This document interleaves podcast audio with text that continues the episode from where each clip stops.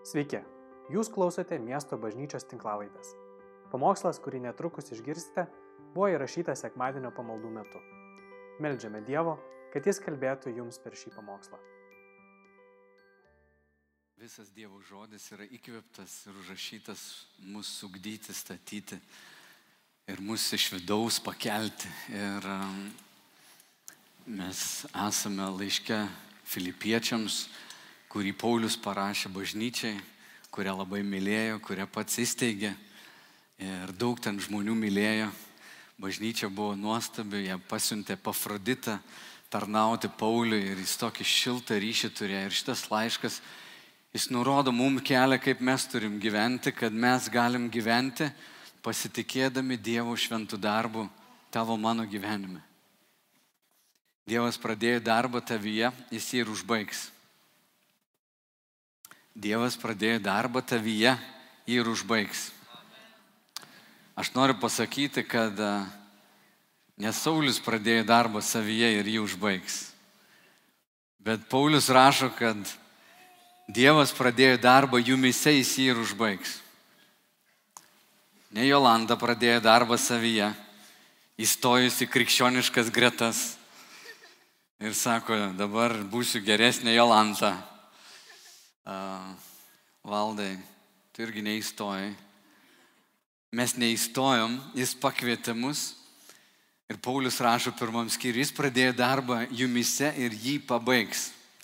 Jeigu tu šiandien esi įstojęs į gretas kažkokias ir labai stengiasi ir tobulini save, tai aš turiu tave nuliūdinti, kad tu esi nusivylimų pakalniai.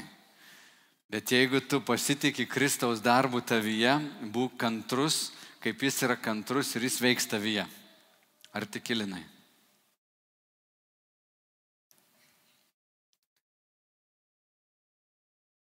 Ir apaštalas Paulius mums duoda tokį fantastinį pavyzdį, kad krikščionis gali gyventi gyvenimą tarsi nepriklausomą nuo aplinkybių. Jisai žvelgia į save, jisai žino, kas jis yra, sako, aš net nebranginu savo gyvybės, Kristus yra manyje, mano gyvenimas priklauso jam. Jis visiškai nesijaudina labai dėl konkurentų, kurie nori jo reputaciją sugadinti. Jis rodo kitokį kelią mums ir mes, tu, aš esam pašaukti irgi mokytis taip gyventi. Ir apaštalas Paulius antrame jau skyriuje jisai mums kalba, kad jeigu jūs patyrėt Kristaus malonių, jeigu išgyvenat jo meilės, jeigu buvote jo bendrystėje, tai sako, padarykit mano džiaugsmą tobulą, būdami vienos minties. Kad mes būdami kartu vieningi, suvokdami, kad esam šeima visi, dvasinė šeima ir mylėdami vienas kitą, būdami vienybėje vienas su kitu, mes esam liudėjimas visam pasauliui, kad būdami labai skirtingi, esam suvienyti ir esam tikras jo liūdėjimas. Tai jo mintis. Jis tai padarė mumise, atgimdęs dvasę ir sujungęs mus meilės ryšiais. Ir mes tai padarom per ką? Per nuolankumą. Nusižemindami, tarnaudami viens kitam. Bažnyčia neegzistuoja dėl savęs. Bažnyčia egzistuoja, kad tarnautų kitiems iš tikrųjų kaip, kaip šeima tokia, jinai egzistuoja dėl pasaulio, kad žmonės iš pasaulio ateitų į bažnyčią. Bažnyčia, pats žodis graikų kalboje reiškia eklezija arba surinkimas, susirinkimas. Žmonės iš pasaulio sukviesti. Ir jeigu tu esi bažnyčiai, tai bažnyčia nėra skirta tau aptarnauti tave, bet tu esi bažnyčia, kad tarnautum kitiems, savo broliams esam patarnautum ir eitum į pasaulį ir tarnautum pasaulyje, kad žmonės pažintų Kristų ir ateitų į bendruomenę, į bažnyčią ir suprastų, kad tai yra Dievo planas. Žodžiu, tokia yra Dievo šeima. Tu nesi čia tam, kad tave aptarnautų, kulto tarnai, kaip Lietuvoje sako, kulto tarnas, atėjo aptarnauti. Ne, bažnyčia kiekvienas narys yra gyvas narys ir tu turi tarnauti kitiems, tu turi rasti vietą bendruomeniai, kur galėtum tarnauti ir taip pat rasti savo pašaukimą, kur išėjęs iš tokių susirinkimų galėtum tarnauti pasaulyje žmonėms ir liudyti jiems apie Kristų. Ta mes esam pašaukti. Ir Paulius antram skyriui jisai sako, vad žiūrėkit, kokie nuostabus pavyzdžiai. Timotiejus mano sunus tikėjime, sako, rūpinasi Jėzaus reikalais labiau negu bet kas kitas. Epafroditas, kurį siuntėt, nuostabus brolis. O trečias skyrius jisai pradeda tokiais žodžiais. Pagaliau, mano broliai, džiaukitės viešpatyje. Man rašyti vis tą patį nesunku, o jums tai pastiprinimas. Pirma eilutė, trečias skyriaus. Pagaliau, mano broliai, džiaukitės kame? Kaip gerai, kad neparašė. Pagaliau, mano broliai, džiaukitės turėdami puikią lovą. Arba turėdami gerą atlyginimą. Džiaukitės, mano broliai, nes jums labai gerai sekasi. Džiaukitės, mano broliai, kad nesergat. Džiaukitės, mano broliai, kad jūs visi gyria ir myli. Kaip nuostabu, kai sako, džiaukitės, mano broliai, kame? Viešpatyje. Turi suprasti, kad džiaugsmas ir juokas skiriasi. Džiaugsmas ir laimė skiriasi. Žmonės šiandien ieško laimės, o laimė žmogui reiškia ką? Kad viskas vyksta taip, kaip aš norėjau. Aš atėjau į šį pasaulį ir brangiai padarykit mano gyvenimą puikų. Būkit visi geri kaimynai, nerėkit ant manęs parduotuvėje, neapgaudinėkit, būkit malonus, visada šipsaukitės, tada aš būsiu laimingas. Leiskit man pasiekti savo svajonių ir aš būsiu laimingas. Aš taip šaržuoju truputį.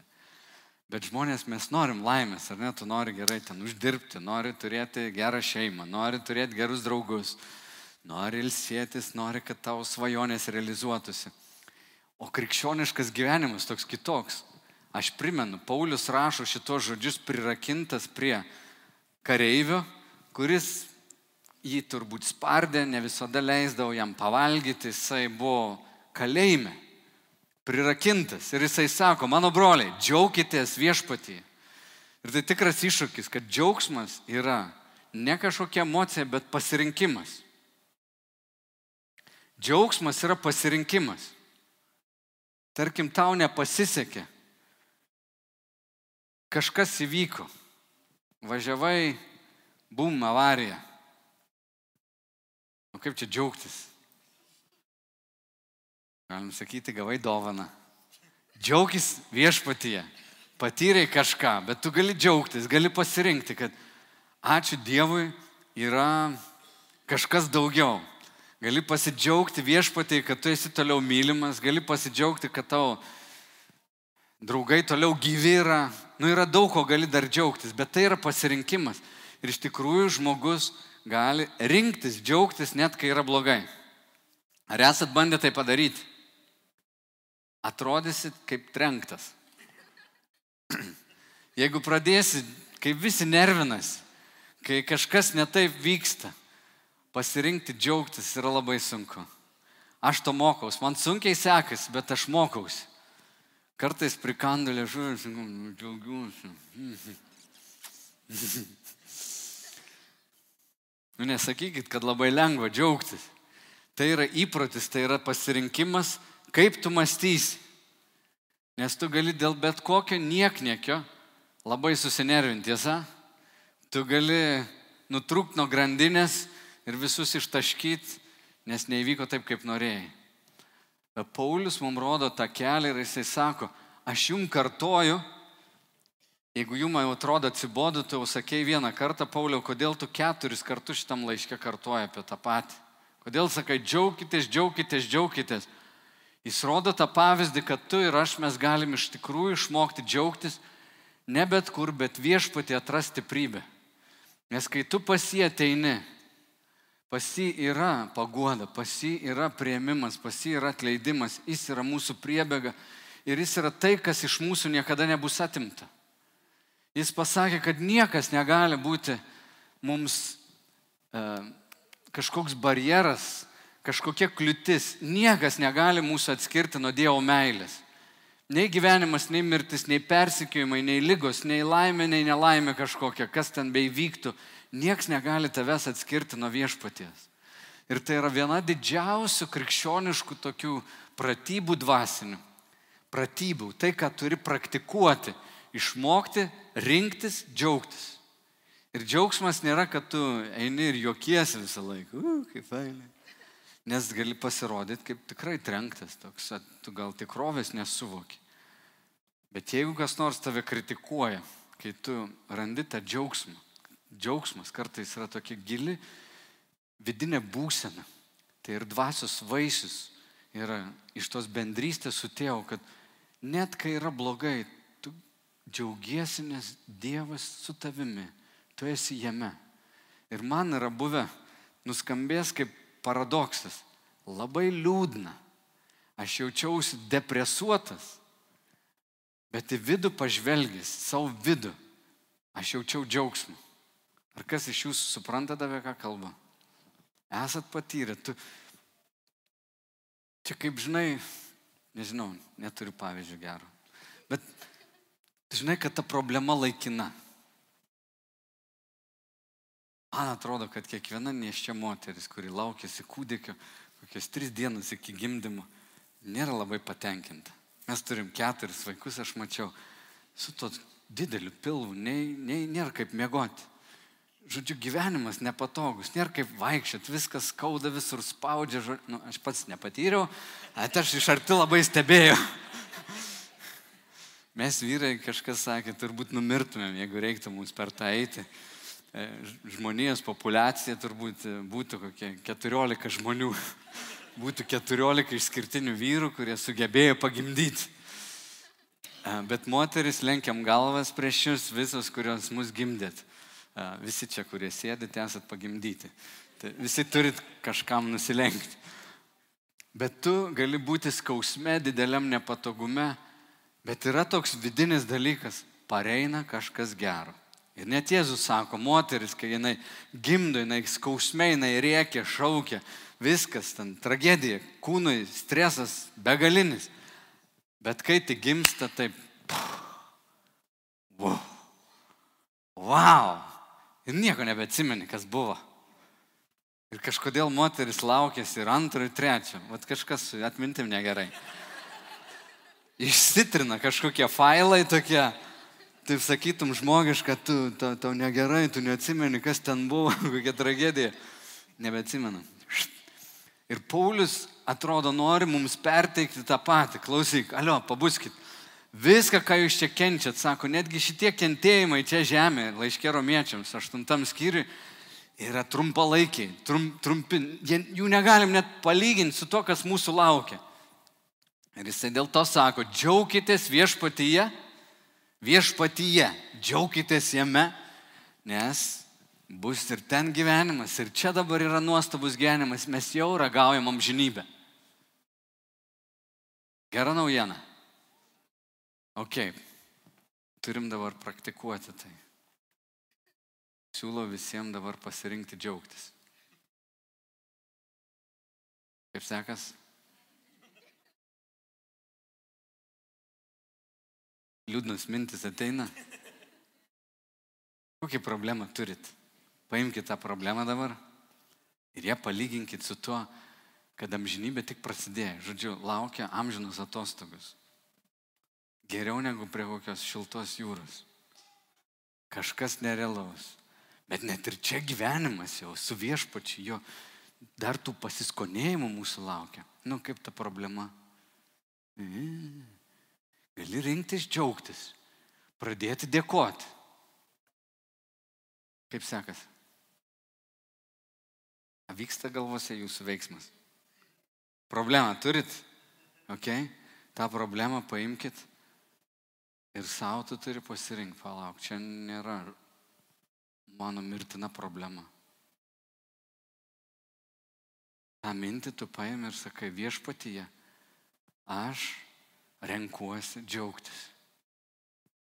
Viešpatie, tu sutvarkyk mano problemą, tu sutvarkyk mano trūkumus, tu viešpatie išmokyk mane pasikliauti tavim, pakesti save, pakesti kaimyną, pakesti kitą.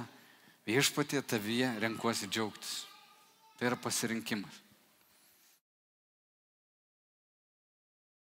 Tam vaikui irgi labai reikia mokytis džiaugtis. Vaikas turi dabar kažkokią problemą. Taigi, džiaugsmas, prie džiaugsmo dar grįšim ir ketvirtam skyriui Paulius kalba apie tai. Bet dabar einam prie to, kas džiaugsmą užmuša. Paulius peršoka iš tos vienos minties iškart prie kitos ir antroje lūtė jisai sako, saugokitės šunų, saugokitės piktų darbininkų, saugokitės apipjaustelių, apsipjaustelių. Saugokitės, tris kartus sako. Krikščioniškam gyvenime yra ir toks pasirinkimas. Turi saugotis kai kurių žmonių. Saugokitės šunų. Kas yra šuo? Geriausias žmogaus draugas. Čia Paulius ne apie tuos. Iš tikrųjų, tarp žydų, musulmonų, šuo ir keulė turbūt yra patys tokie purviniausi, blogiausi gyvūnai. Šunis anksčiau tokios mados nebuvo, šunis namuose auginti, kaip mes dabar auginam, šukuoti juos ten, prausti ir maitinti. Šunis buvo, kaip jeigu nuvažiuosi varganą šalį, kažkokie šunis, kaip ir keulės dažniausiai ėda visą tai, kas atlikė, jie, yra, jie neša lygas, jie kandžiojasi, tai kaip laukiniai vilkai. Ir šunys anksčiau būdavo tiesiog laukinių padarų tokia veislė. Tai nebuvo puoselėjami kaip dabar. Šiandien visus šunis beveik turbūt užmigdo, jeigu jie yra be šeimininko. Tokių mieste mes neturim. Bet tuo laiku Paulius sako, kad yra žmonių, kurie yra kaip šunis. Jie siekia įkasti, jie nori iš tavęs maistą atimti, jie nori tau pakengti. Yra žmonės, kurie yra pikti darbininkai. Jie darbuojasi, bet jie turi piktą kėslą. Ir dar ta kategorija yra apsipjausteliai. Ir apipjaustimas, jūs žinote, kad žydų, žydų tikėjime sandoro ženklas, kaip dabar pas mus yra krikšto ženklas, būdavo berniuko apipjaustimas. Aštuntą dieną, kada jau kraujas gali krešėti, būdavo berniukams apipjaustomi jų lytinis organas. Ten buvo ir hygieninė, gali sakyti, priežastis tam, bet ir buvo sandoro ženklas. Ir tai reiškia, kad tas berniukas įstoja į žydų tautą ir yra žydų tautos narys po įstatymo valdžia. Jo gyvenimas yra pašvestas Dievui, kad jis vykdytų įstatymą ir taip patiktų Dievui. Paulius jaunai bažnyčiai iš pagonių Filipuose sako, saugokite šunų, piktų darbininkų ir apsipjaustelių. Kokia problema su apsipjaustimu? Jūs žinote, kad turbūt pirmasis bažnyčios susirinkimas apaštalų darbų 15 skyriuje aprašytas buvo toks. Kai kurie žydai išėję sako, Jėzus Mesijas, jis atnešė mums išgelbėjimo žinę, bet jie sako, negalim leisti pagonim gyventi kaip jie nori. Jie keulę valgo, jie šliužus valgo, jie vis, visokius dalykus daro, jie nešvenčia šabo, jie gyvena visiškai priešingai žydų nus, nusistatymams. Nus, ir nesilaiko įstatymų. Ir jie bandė visus pagonis atvesti į tokį žydišką kelią. Ir Paulius sako, čia turim įtampą. Yra pavojus, kad mes Evangeliją panaikinsim. Nes Jėzus yra mūsų išteisinimas. Jis yra tas, kuris atnešė kitokią žinę. O štai kiti vaikšto, sako, Jėzus gerai, jis mus pas tėvą nuvedė, bet būtinai apsipjausti turi visi vyrai. Turit visi laikyti žydiškų papročių. Ir po ilgų diskusijų paštalų darbų 15 e, skyriui mes matom tokią išvadą. Paštalai atsistoja ir pasako, ta našta, tų įstatymų laikymasis buvo tokia sunki, kad mūsų protėviai negalėjo jos atlaikyti. Ir mes rašom visom pagonių bažnyčiom, kad jūs neprivalote laikytis viso įstatymų. Tik susilaikykit nuo paleistuvystės, nuo seksualinių nuodėmių, nuo pasmauktų gyvulių valgymo, tai čia vėl tokia jau labiau yra e, sveikos mytybos arba sveiko gyvenimo problema. Ir nuo stabų, ar ne? Negarbinkit kitų stabų, viskas, sumažintas sąrašas iki, iki absoliutaus minimumo. Ir problema, kad visais laikais žmonės yra linkę į religiją. O Jėzus mums atneša santyki su tėvu. Ir skirtumas su religija ir su santykiu yra gan reikšmingas ir didelis. Ir kiekvienas tikintysis gali atsidurti tame pavojui. Duosim pavyzdį. Tarkim, tu gyveni šeimoje, turi vaikų, esi tėvas ir tavo troškimas mylėti sūnų, kad sūnus mylėtų tave. Vieną dieną tu galvoji, vad norėčiau tai padaryti, kad sūnus mane mylėtų. Padarysiu, kas, parašysiu, kas man patinka. Sūnau, būtų gerai, kad keltume į septintą ir mankštą darytum, pusryčius man padarytum, dar kažką, eitum su manim ten į darbą, padėtum man dirbti, mes kartu kažką darysim. Tu surašai tokį sąrašą. Ir vieną dieną tu pamatai, sunus viską daro, ką tu nori, bet kai tik turi laisvą minutę, kaip čiuožia nuo tavęs, žodžiu, bėga nuo tavęs kažkur tolyn. Ir visiškai tu iš tikrųjų nerūpys. Viską laikus. Viską, ką parašiai, pasakėjai, atrodo, visko laikosi. Bet tu matai, kad jo širdis net netame. Galėtum sakyti, taip, jis myli. O kitas sunus gali suklysti, gali nedaryti to, ko nori, visiškai neįvykdyti tavo lūkesčių. Tu turi gal dukrą, nori, kad jinai būtų tokia ir anokia, o tavo dukra renkasi savo kelią ir tu nepatenkinta, priekaištauji galbūt savo dukrai, kad jinai kažko nepadarė.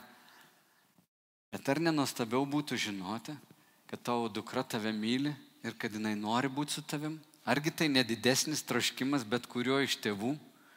Ne kad kažkokias smulkmenas ten padarytų, bet kad santyki turėtų. Ir Jėzus atėjo atnešti santyki. O žmogus yra linkęs geriau susitvarkyti tai, ką jis gali kontroliuoti, va, daryti tą, daryti tą, vis, visas taisyklės, ko tau reikia tėvė, ko, kokių įstatymų tau, ką reikia padaryti, kad tau patikčiau, viską padarysiu. Ir žmogus gali tiek susitelkti dėmesį savo įvykdymą, visiškai nemylėti tėvo, gali nu, nu, nukrypti nuo, nuo tos meilės, nutolti. Ir Jėzus pasakoja palyginimus apie sūnų palaidūną. Vienas dėl nuodėmės, tokio palaido gyvenimo nutolo nuo tėvo, kitas laikydamasis nepriekaištingai įstatymo, bet visgi tėvo nemyli. Iš jo komentarų mes girdim, tu tėvė man nieko, nieko nedavai, net užiuko su draugais atšvesti. Ir tu matai jo tą širdį, kad jisai visko laikėsi tėvui įtikti, o širdis toli. Ir Jėzus atėjo, jis atnešė ne kažkokią religiją, ne įstatymų daug nurodymų kažkokių papildomų dar. Jis atėjo parodyti mums tėvą. Atėjo nepasmerkto išteisinti, atėjo mus atvesti, kad mes priimtumėm jo dvasę ir išmoktumėm jį mylėti. Matot, žmonės linkia į tą įstatymą įeiti. Žiūrėkit, Senajame testamente noriu jums tokį apskritimą nupaišyti ir čia parodyti. Senasis testamentas. Ten buvo 248 įsakymai ir 365 draudimai. Ką reikia daryti ir ko nereikia. Jūs turite atsiminti, kad pirmą Dievas savo tautą iš Egipto išveda, parodo didžiulę malonę, duoda jiems visą Egipto auksą, duoda nekilnojamą turtą, žemę pažadėtąją. Tik paskui ateina, sako, va kaip jūs turėtumėt gyventi, jūsų pačių naudai. Taigi žydai turėjo tenai 613 tokių paliepimų, ką reikia daryti. Bet paskui parašė dar mišną, kurioje yra dar 1500 nurodymų, ką reiktų daryti. Ir paskui dar toliau Gemara, kuri yra dar vienas toks apskritimas, ir Mišna kartu su Gemara sudaro Talmudą, mokymą. Ir žmonės jie skaito ir sako, jeigu mes nesulaužysim ten Gemaros, nesulaužysim Mišnos, kas Talmudė parašyta, žodžiu, mes tikrai nesulaužysim ir tų didžiųjų įstatymų.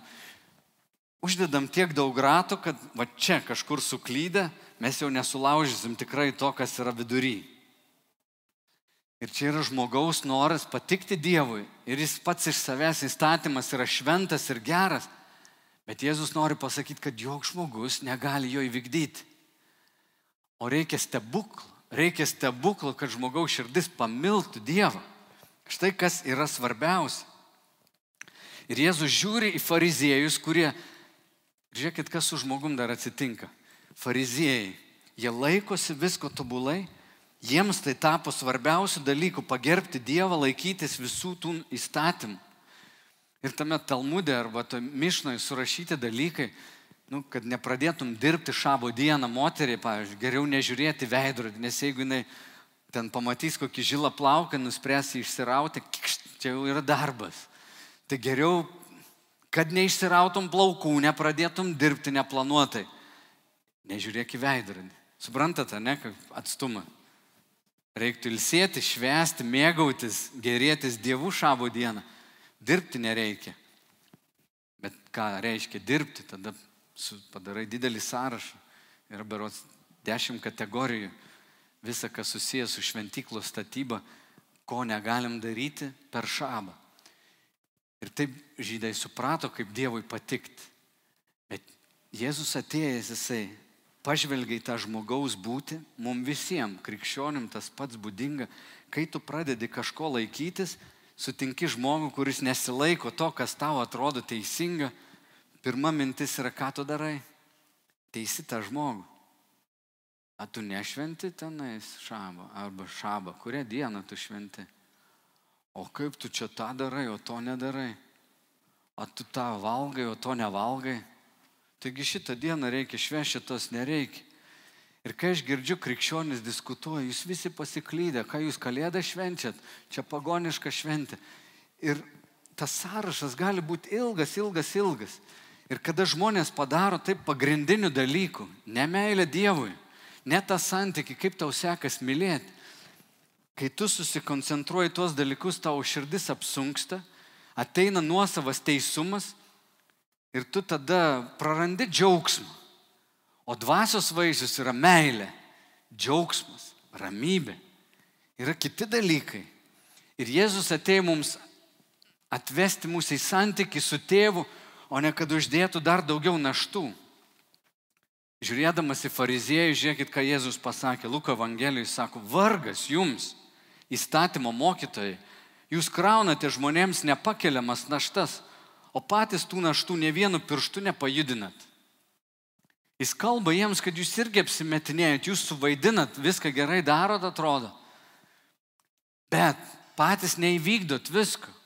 Jūs kraunat tas naštas ir kartais mes kaip krikščionys galim tapti tokiais teisinčiais, kurie irgi ateinam ir kraunam naštą. Kiekvieną sekmanį būk bažnyčia būk ten tokia grupelė, skaityk šventą raštą, melskis, daryk tą, tą, tą, tą, tą, tą, tą, tą, tą, tą, tą. Ko tu nieko nedarai, dėl to tavo gyvenimas toks sugriuvęs. Viskas yra tiesa. Daug ką aš darau iš to, ką vardinu, bet viskas aukštyn kojom. Aš suprantu, kad kai širdis yra Dievo meilės paliesta, tada man norisi vykdyti tuos dalykus. Atvirkščiai yra Pirmą jis išveda iš Egipto, apdovanoja auksu, duoda nekilnojamą turtą, parodo savo atleidimą. Ir tik tada jisai sako, va dabar darykite. Ir čia mes galim nu, sukeisti vietomis. Garvežį pastatyti gale vagonus priekyje. Ir niekur nevažiuoja. Taigi mūsų tas santykis su tėvui, buvimas jo meiliai, Jėzaus teisumas mums turi būti garvežys. Mato Evangelijoje Jėzus sako, nemanykit, jog aš atėjau panaikinti įstatymą ar pranašų. Nepanaikinti jų atėjau, bet įvykdyti. Ir jis yra vienintelis, kuris įvykdė. Mes tikim, kad jis yra be nuodėmės, patikęs tėvui tobulai. Iš tiesų sakau jums, kol dangus ir žemė ne, nepraeis, ne viena raidelė, ne vienas brūkšnelis neišnyks iš įstatymo, kol viskas išsipildys. Todėl, kas sulaužytų bent vieną iš mažiausių įsakymų ir taip mokytų žmonės, tas bus vadinamas mažiausiu dangaus karalystė. O kas juos vykdys ir jų mokys, bus vadinamas didžiausiu dangaus karalystė. Taigi sakau jums, jeigu jūsų teisumas nepranoks rašto žinovų ir fariziejų teisumo, neįeisit į dangaus karalystę. Tai kai skaitai šios žodžius, galvoji, palauk, fariziejai jau buvo tokie tobuli įstatymo vykdytojai. Jau jie taip stengiasi. Mums dar labiau reikia pasistengti. Mums šakės. Kas iš jūsų galite pasakyti, kad visko laikotės, kas surašyta Senajame testamente? Ir Jėzus sako, aš atėjau įvykdyti įstatymą. Bet štai kur esmė. Kai jis sako pranoks, Tas žodis graikų kalboje reiškia, kad jis bus kitokios kokybės. Ir mes žinom, kad mūsų teisumas yra ne mūsų pačių, o paties Jėzaus Kristaus teisumas. Jis įvykdė, jis yra tas, kuris išpildė visą įstatymą ir mums dovanoja savo teisumą. Tai tas teisumo rūbas, kurį tu ir aš apsivelkam, yra Jėzaus padaryti teisumo darbai per visą jo gyvenimą. Ir tau, ne, nu tau ir man yra suteikiamas šitas rūbas. Vienintelis teisingas rūbas. Kai mes ateinam pas Dievą, niekada neteisim su nuosavu teisumu. Nebūsim niekada išteisinti dėl savo gerų darbų. Ar suprantat skirtumą?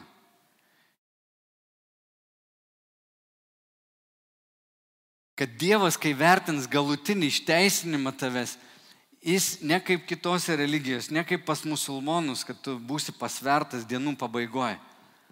Kiek tavo geri darbai, žinai, svorio turėjo ir kiek blogi darbai. Ir jeigu gerų darbų bus daugiau negu blogų, tau pasisekė. Bet jei ne, tai ne. Arba kaip Jehovos liudytojai, jie tiki, kad 144 e, tūkstančiai žmonių bus išgelbėti, jie į karalystę. Ir kad tai darytum, tu turi visą darbų sąrašą. Ir Jehovos liudytojai, kurie nėra krikščionis, bet skelbė iš Biblijos tiesas, ten paėmė kitokį vertimą padarė, naujo amžiaus toks vertimas, e, ir jie netiki Jėzaus dievybę, jie turi sąrašą, tu turi atidirbti, tu turi paskelbti visiems žmonėms, turi liudyti. Ir jeigu tu to nepadarysi, ir nieks nežino, kas tas 144 tūkstančiai, bet kažkada tu būsi pasvertas. Bet jeigu tu nustoji liudyti, nustoji dirbti tos darbus tavo šakės, žodžiu, tu neturi šansų. Jėzus nieko panašaus mums net neši pasakyti. Jisai pats įvykdė įstatymą ir mums duoda kitą įstatymą. Ir čia yra jau mąstymas, kuris turi atsiremti į Jėzaus teisumą. Mūsų teisumas turi pranok net dėl taisyklių laikymosi, bet jis iš esmės yra kitokia kategorija. Tai yra Dievo paties sunaus teisumas. Ir apipjaustimas yra jau nebe išorinis, e, kūniškas apipjaustimas, bet dvasios apipjaustimas. Ir čia Paulius tęsia toliau. Žiūrėkit, kaip Paulius toliau jiems įrodinėja. Jis sako, saugokitės tų žmonių, kurie neša jums Jėzus bet dar kažko reikia. Jėzus plus dar kažkas. Jeigu žmogus tau ateina ir sako, fainai, tu esi krikščionis, tu tiki Jėzaus teisumu, taip, taip, taip, bet kurią dieną šabą šventi. Arba kaip dažnai tu meldi, po kiek meldiesi. Ir tau pradeda tos dalykus piršti ir juos sureikšminus, saugok savo širdį, nes jeigu tu įkrisi tą taisyklių laikymasi ir sukeisi tai vietom, žinok, pirmas dalykas, kas dings tavo gyvenime - džiaugsmas. Pradėsi teisti kitus, vietoj to, kad džiaugtumės kitais. Dings ramybė. Tu nuolat jaus įtampą, nes kažko nepadarai. Pagilinkim, pažiūrėkim, kaip Paulius žiūri į savo teisumą. Jisai sako, nes apipjaustamas esame mes, kurie garbinam Dievą dvasia, giriamės Kristumi Jėzumi ir pasitikime ne kūnu. Tai yra ne savo pastangomis. Nors aš galėčiau pasitikėti ir kūnu. Jei kas nors mano galys pasitikėti kūnu, tai aš juo labiau. Aštuntą dieną apipjaustytas iš Izraelio tautos, Benjamino giminės, žydas iš žydų, įstatymų fariziejus, uolumu, bažnyčios persekėtojas, įstatymo teisumu nepeiktinas. Bet tai, kas man buvo laimėjimas, dėl Kristaus palaikiau nuostolių. O taip, Aš iš tikrųjų viską laikau nuostoliu dėl Kristaus Jėzaus, mano viešpaties pažinimo didybės. Dėl jo aš praradau viską ir viską laikau sąšlavomis, kad laimėčiau Kristų. Ir būčiau atrastas jame nebeturėdamas savo teisumo iš įstatymo, bet turėdamas teisumą per tikėjimą Kristumi. Teisumą iš Dievo paremtą tikėjimu. Ar girdėt? Paulius sako, aš galėčiau girtis, klausykit, aš visus jūs galiu aplenkti. Aštuntą dieną apipjaustytas iš Benjamino giminės, puikiai giminė, puikiai giminė. Fariziejus, nepriekaištingas, uolumus savo. Viską palaikiau sąšlavomis, kad galėčiau stovėti tame viename dalyke - Dievo teisumu. Dievo man padovanotų teisumu. Per tikėjimą Kristumi, teisumą iš Dievo, paremta tikėjimu. Jeigu tikėjimu, tai nedarbais. Girdit? Va čia tame turėtum jausti laisvę.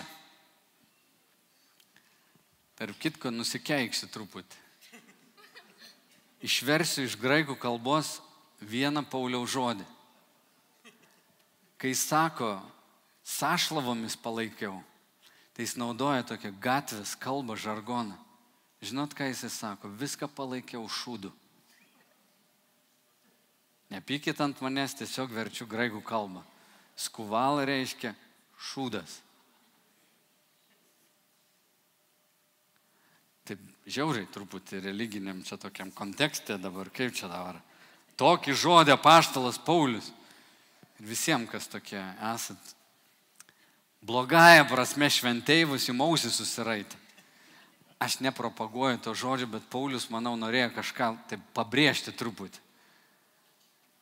Jis sako, kad tai, ką aš pasiekiau, tapti farizėjom nebuvo lengvas užsiemimas, tu supras, kad tai, tai buvo daug, daug metų gilių studijų. Prie geriausių Izraelio mokytojų, prie gamalėlio kojų mokytis, tai yra gilios studijos. Ir Paulius nenuvertina to, kaip kad čia yra visiškai niekas. Bet jeigu mes norim perkelti visas tas žinias, ką jis pasiekė, koks, koks jo giminės statusas yra, ką jis nusipelnė, kaip jis galėtų pasilyginti atėjęs į Izraelį, atsistojęs va šventykloje ir pasakyti, štai kas aš. Ir išsitraukti visus, žinai, ten apdovanojimus, visus medalius sukabintus. Ir jeigu čia kalbėtumėm apie išteisinimą Dievo akise, tai jis sako, sašlavus tai yra niekas. Žinoma, turim tai, tai turėjo vertę, žinoma, kad išmintis ten daug supratimo buvo. Ir nemanau, kad Paulius tai sumenkina ir sako, žinai, visi kvailiai tenais tie, kurie mane mokė. Ne apie tai kalba, bet kalbam apie išteisinimą, kad visos tos žinios, jeigu reiktų šiandien mainytis, kaip aš stoviu prieš Dievą, tai tikrai nėra mano teisumas ir visi darbai, kuriuos ten padariau. Tikrai ne. Atvirkščiai, aš kabinuosi į Kristų ir jo teisumą. Ir nei vienas iš mūsų negalim prilygti Pauliaus tokiam pasišventimui. Aš čia taip drąsiai kalbu, bet atsistočiau prie Pauliaus, tad pagal jo išsilavinimą ir viską sakyčiau, Pauliau, nesu vertas ten, žinai, net tavo kojų bučiuoti tu, tu iš tik, nu, aš nesijokiu iš jo, man, man toli gražu, aš niekada turbūt gyvenime tokio pažinimo, tok, tokios erudicijos, to, tokių gebėjimų niekada neturėsiu. Ir to negalim sumenkinti. Bet jeigu ateinam aš ir Dievas, štai mano darbai ir štai Kristaus teisumas, tai čia atsiprašau dar kartą, tai yra šūdas, o čia yra viskas.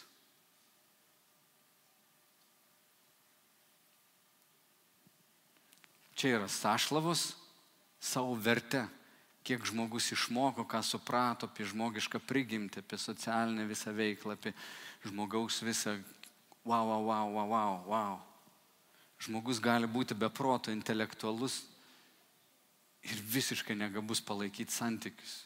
Žmogus savo protę gali pakilti iki debesų. Ir jeigu va su to visu savo bagažu, su to visu turtu ten, nežinau, visa gale, visu savo žmonių pagarbą ateis pas Dievą, Dievas sako per Izaiją, čia purvinis karmalai.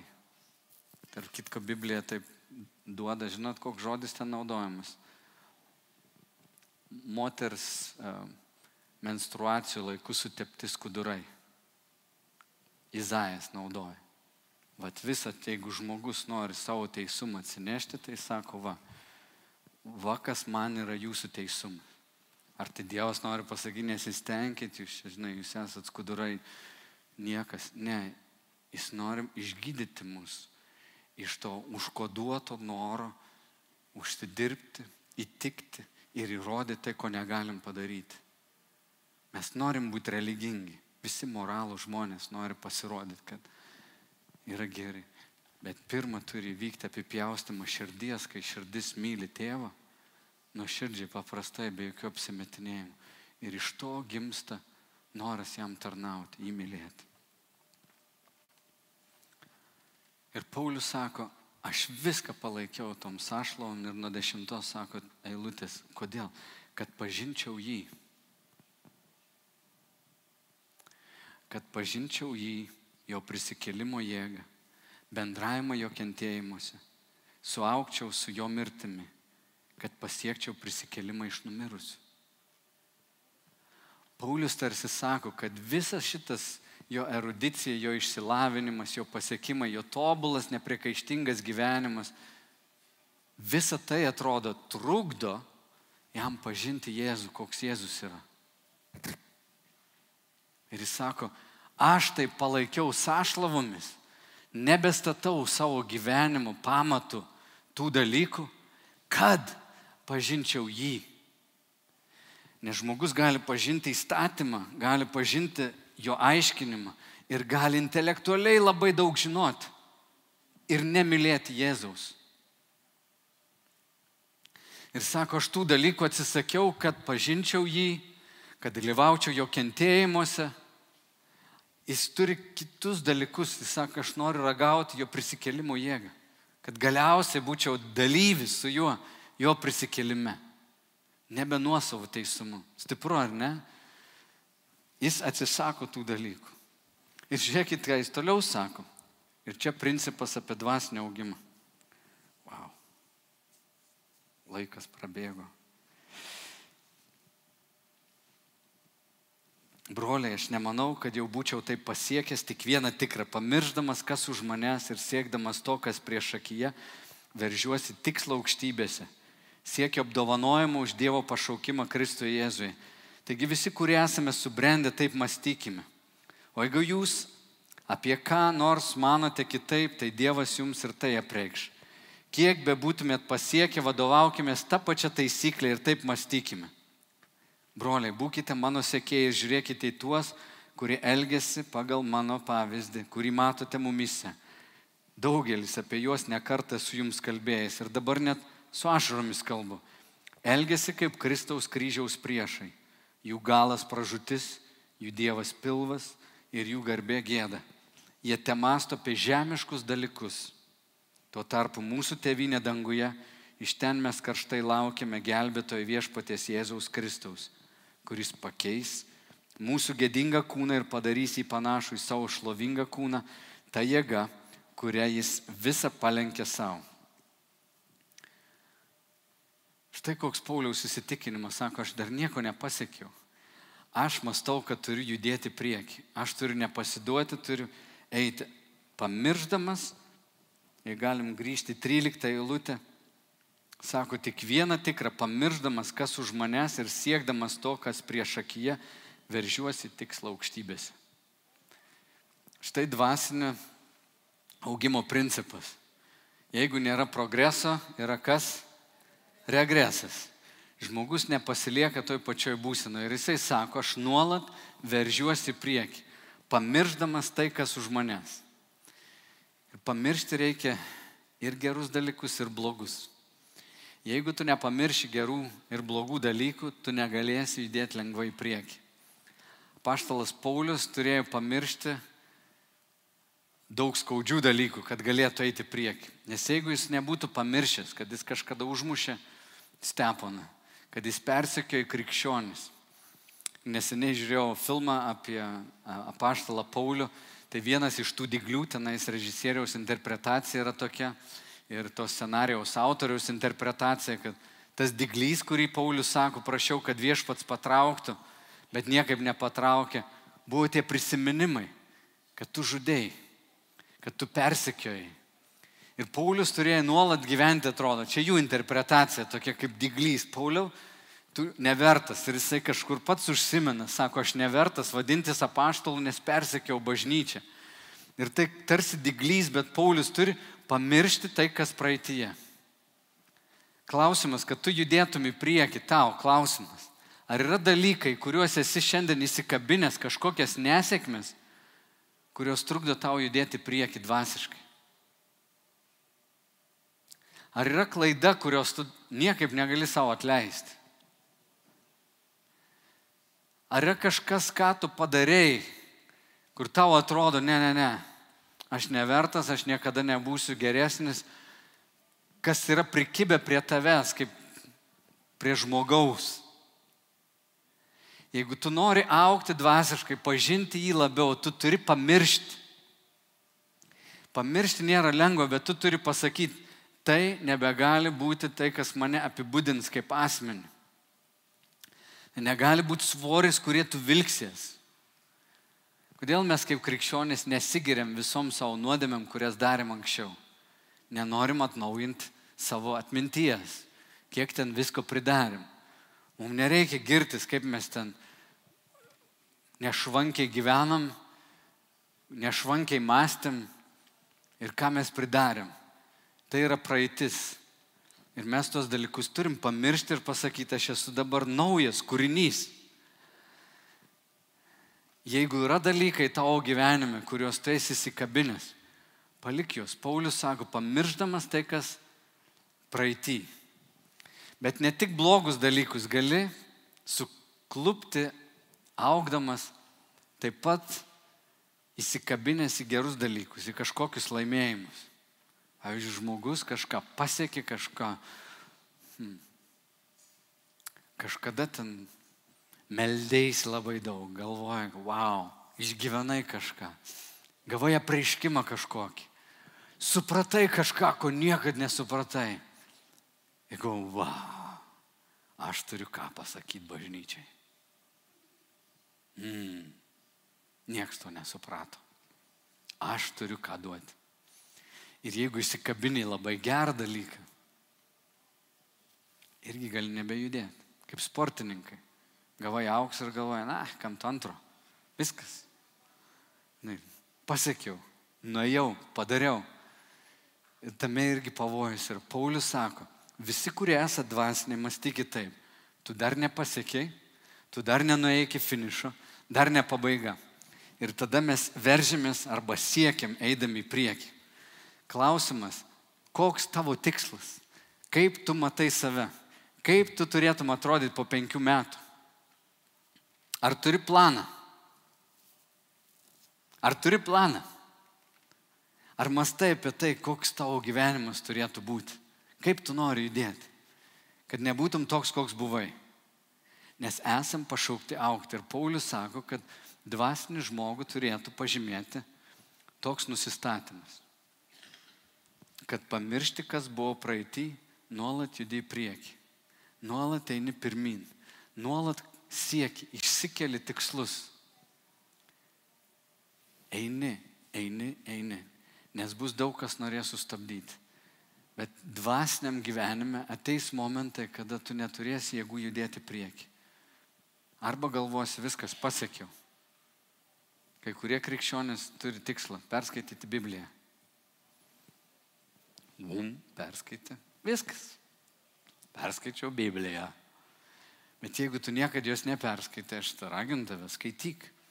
Bet tikslai turėtų būti tapti panašesniu į Jėzų, tapti tuo, ką Jėzus nori tavį padaryti. Kad tą darbą, kurį pradėjo, kokį jis tave mato, kad tu toks ir taptum. Aš iki galo nežinau, kaip aš atrodysiu po dar 20 metų. Bet aš žinau, ko aš noriu, aš jaučiu šventosios dvasios paraginimus, kaip aš norėčiau atrodyti po šių metų. Koks, koks Saulis turėtų būti. Ir turėtų būti progresas, mat, turėtų matytis pokyčiai. Ir jeigu jį nesimato, nu, blogai. Tame pažinime aš noriu pažinti viešpati daugiau. Bet tai kyla ne iš to, kad užsitarnaučiau savo teisumą, Aš tiesiog noriu aukti. Dievas taip yra mūsų kūręs. Viską, ką mes sieksim gyvenime, jeigu tai yra vertingas dalykas, bus kopimas į kalną. Niekada nebus lengva. Niekada tu nevažiuosi nuo kalno.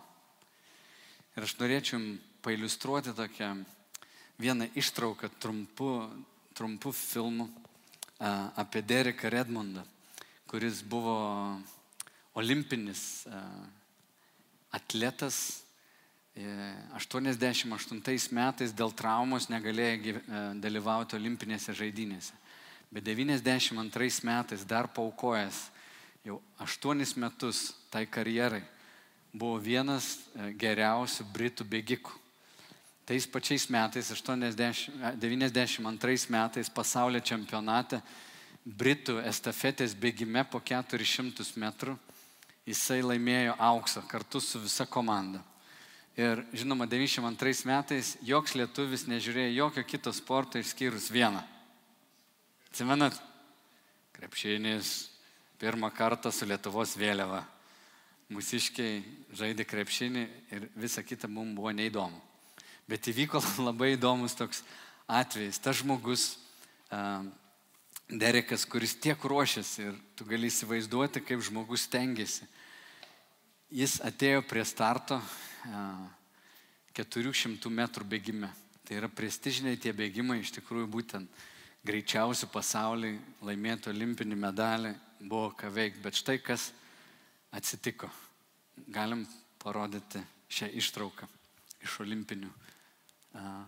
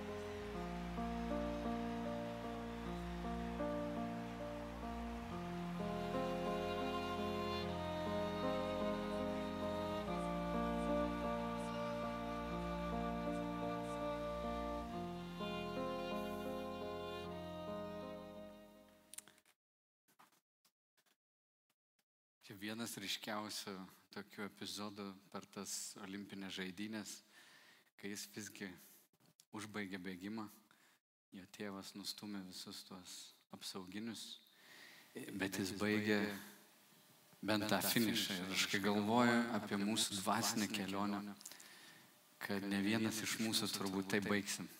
Ne visi nubėgsim žiauriai kieti tokie be traumų Bet šį rytą būdami maldoje, tai buvo labai padrasintas, Svetlana perskaitė apaštalo Pauliaus tokį epizodą iš apaštalų darbų 14 skyriaus, kai apaštalo Paulių užmėtė akmenimis dėl Evangelijos skelbimo, ištempė už miesto, jis buvo negyvas, Dievas jį prikėlė ir jis grįžo atgal į miestą ir padrasino visus, visus mokinius, sakydamas, kad į dangaus karalystę mes eisim irgi išmėginti per įvairiausius išmėginimus, įvairiausius kentėjimus. Ir aš kai galvoju apie krikščionių gyvenimą, jis tikrai nėra toks lengvas. Kas yra lengva, kad mes esam Dievo priimti ir pamilti. Kad Dievo dvasia visada tave trauks arčiau savęs. Tu visada būsi jo laimėjimas, jo džiaugsmas.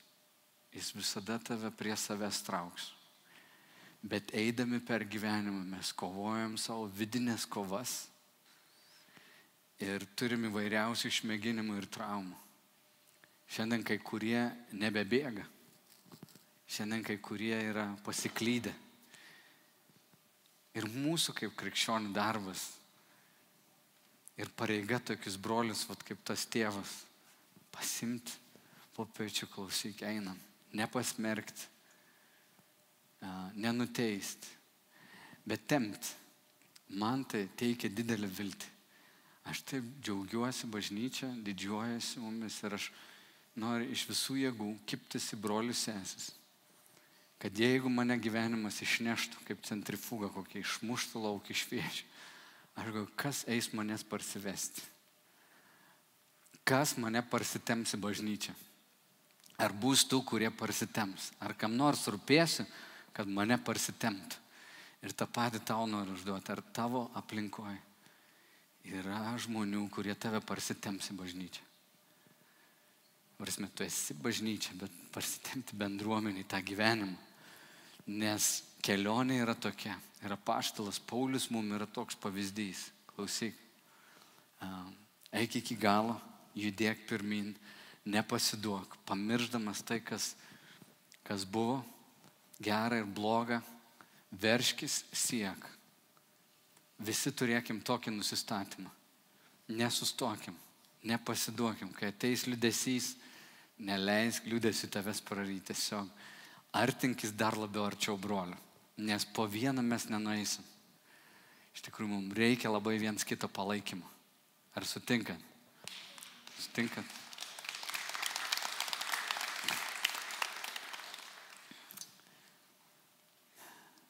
Ok.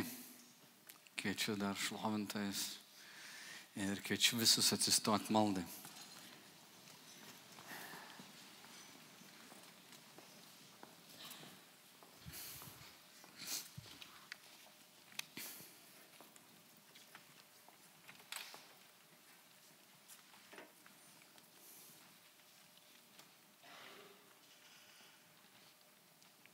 iš to, ką girdėjai, gal skirkim keletą akimirkų tokie asmeniniai maldai.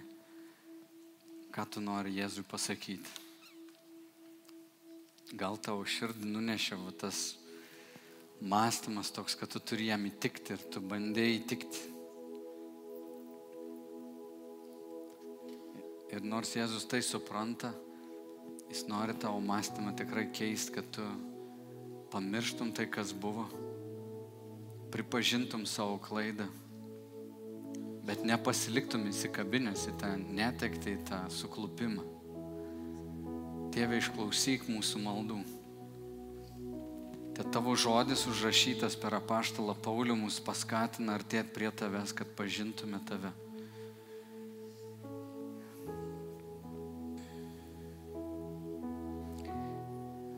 Jeigu neturi tikslo dabar arba užgožė kiti tikslai tavo gyvenime. Gal turi karjeros tikslus, gal turi, nežinau, turto tikslus kažką įsigyti. Ir jeigu tie tikslai yra aukščiau tėvo pažinimo, tai žinau, kad šventam rašte tai yra stabmeldystė. Dievas tave aprūpins, palaimins, tie dalykai gal nėra patys iš savęs blogi paprašyk jo malonės, kad turėtum tokį nusistatymą kaip apaštalas Paulius.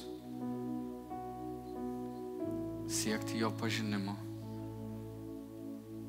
būti dalininku jo kentėjimuose, patirti jo prisikelimo jėgą kasdien. Šventoji dvasia, mus padaryk panašesniais į Jėzų, augink mūsų šventoji dvasia. Švaduok širdį nuo stabmeldystės, kad gerų dalykų neiškeltumėm aukščiau to, kas svarbiausia, ką tu mums esi dovanojęs. prašom tavęs, tėve.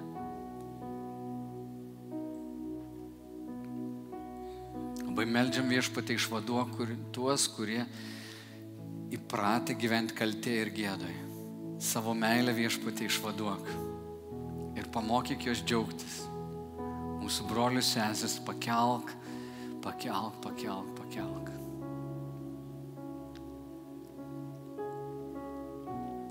Ir meldžiam viešpatė broliškumu vienas į kitą atsigręžti.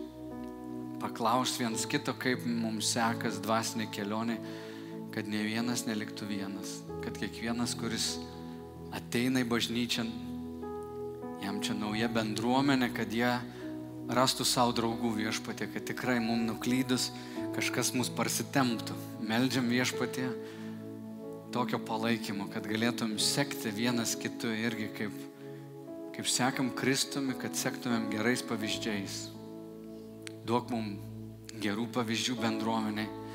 Tėve, ganyk mus, sujung mus, suvienik mus, išmokyk mylėti ir gerbti labiau nei anksčiau.